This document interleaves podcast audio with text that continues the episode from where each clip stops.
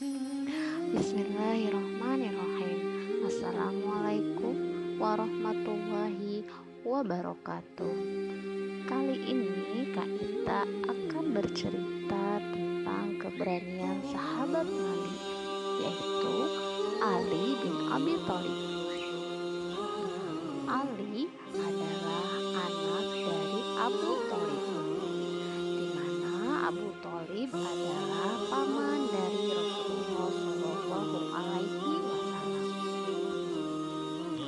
Walaupun Abu Thalib sangat mencintai Rasulullah Shallallahu Alaihi Wasallam, Abu Thalib tidak pernah masuk agama Islam sehingga ia mati dalam keadaan kufur.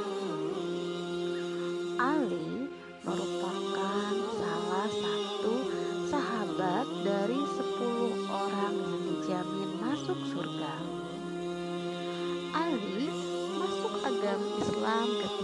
usianya masih kecil, sehingga ia termasuk golongan dari anak-anak yang pertama kali masuk Islam.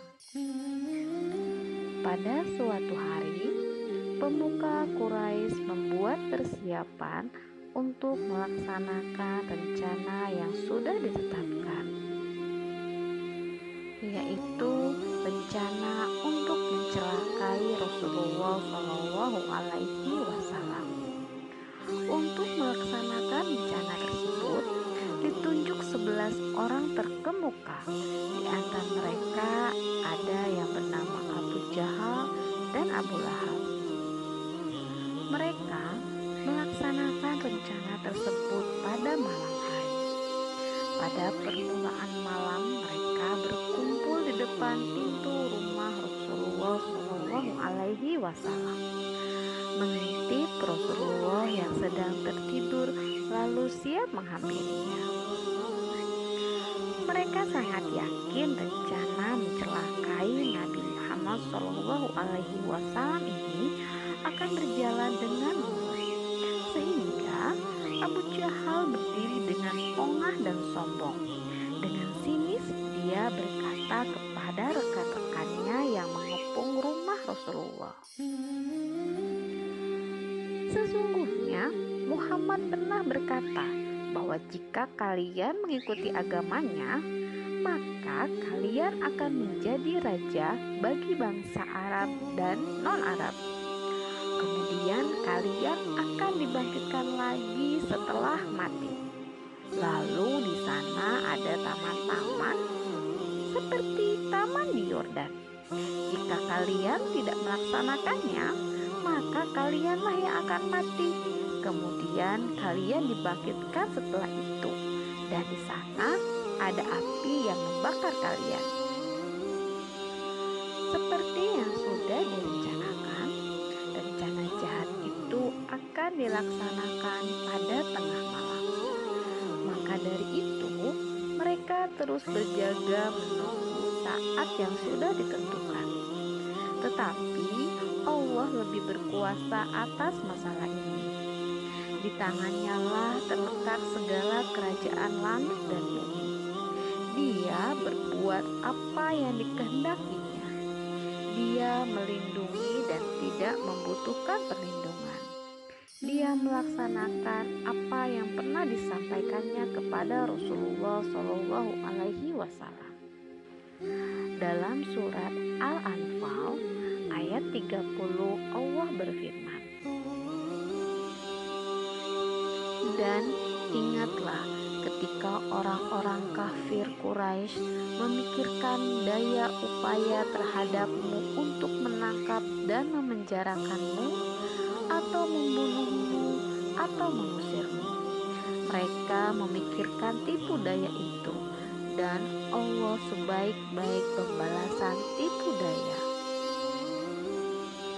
Sekalipun orang-orang Quraisy sudah mempersiapkan secara mata untuk mencelakai Rasulullah Shallallahu Alaihi Wasallam, tetap saja mereka gagal total. Pada saat-saat yang mencekam itu, Rasulullah Shallallahu Alaihi Wasallam berkata kepada Ali bin Abi Thalib, Duduklah di atas tempat tidurku. Berselimutlah dengan mantelku yang berwarna hijau. Tidurlah dengan berselimut mantel ini. Sesungguhnya engkau tetap akan aman dari gangguan mereka yang engkau khawatirkan. Dengan berani, Ali pun menggantikan posisi tidur Rasulullah Shallallahu Alaihi Wasallam. Ia tidak takut dengan apa pun. Keberanian itu ia tunjukkan dengan gagah berani. Kemudian Rasulullah Shallallahu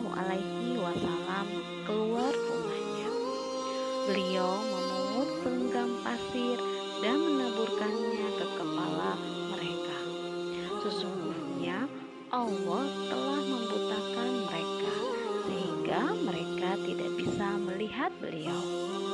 Dalam surat Yasin ayat 9 Allah berfirman, "Dan kami adakan di hadapan mereka dinding dan di belakang mereka dinding pula. Dan kami tutup mata mereka sehingga mereka tidak dapat melihat. Beliau menaburkan pasir di kepala setiap orang di antara mereka.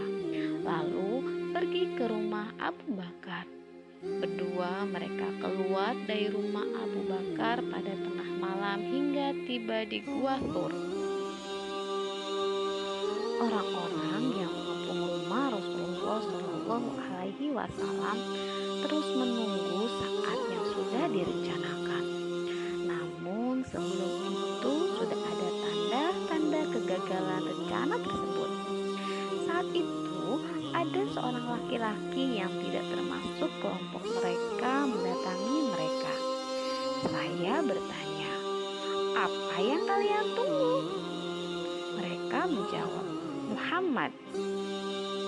Demi Allah, dia telah melewati kalian sambil meninggalkan pasir di kepala kalian. Lalu dia pun pergi untuk keperluannya. Laki-laki itu berkata, Demi Allah, kami tidak melihatnya, kata mereka sembari bangkit dan bersihkan pasir di kepalanya. Dari celah pintu mereka mengintip ke dalam rumah dan menangkap sesosok tubuh yang sedang tidur. Lalu mereka berkata, Demi Allah, itu Muhammad sedang tidur berselimut mantalnya. Ketika Ali bangkit dari tempat tidurnya dan langsung dikepung oleh kaum Quraisy, mereka bertanya keberadaan Muhammad. Di mana Muhammad? Lalu Ali pun menjawab, "Aku tidak tahu." Lalu kaum Quraisy pun keluar rumah Rasulullah dan mencari keberadaan Rasulullah